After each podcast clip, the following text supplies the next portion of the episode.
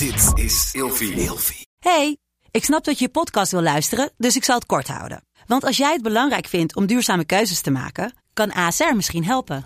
Nou hoor ik je denken, hoe dan?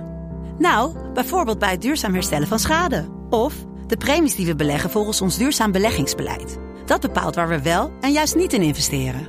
Wil je meer weten over welke duurzame keuzes ASR maakt? Ga dan naar asr.nl slash duurzame keuzes. ASR doet het. Zo, dan kan je nu lekker naar je podcast luisteren. Vroeger. Meneer de Munnik, we bespreken deze week het onderwerp massamoordenaars. En in deze aflevering hebben we altijd een verhaal in de categorie een historisch personage. We gaan het hebben over de circa 60 miljoen doden van Mao Zedong. Ja, Mao Zedong. ehm 60 miljoen. Daarvan zijn er ongeveer 30 miljoen gestorven tijdens een hongersnood. Mao Zedong vond het noodzakelijk om tijdens de grote sprong voorwaarts, tijdens de industrialisatie van China, eigenlijk alle ja, landbouw te collectiviseren, staatsboerderijen van te maken. Ze moesten hele rare plannen uitvoeren. Zo moesten ze bijvoorbeeld eh, ja, de, eigenlijk de, de pesticiden, of nee, moet ik het even goed zeggen, eigenlijk een soort plagen moesten ze bestrijden. Waaronder bijvoorbeeld mussen.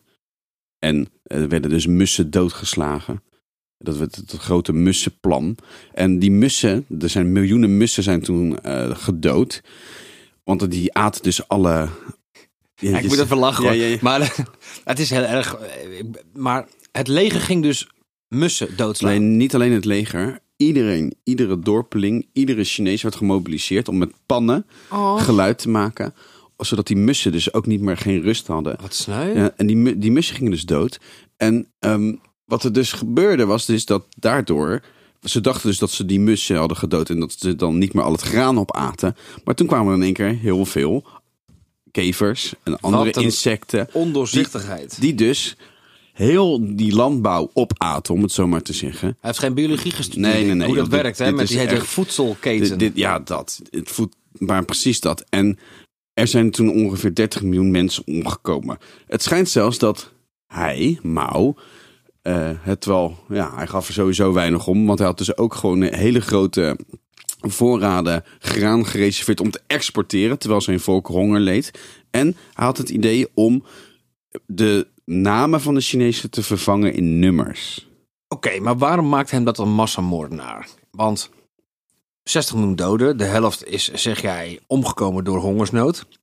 Wat is er met die andere 30 miljoen gebeurd? Waarom is hij een massamoordenaar? Je kan ook zeggen, hey, het was gewoon een hele slechte politicus en daardoor zijn er 30 miljoen mensen doodgegaan.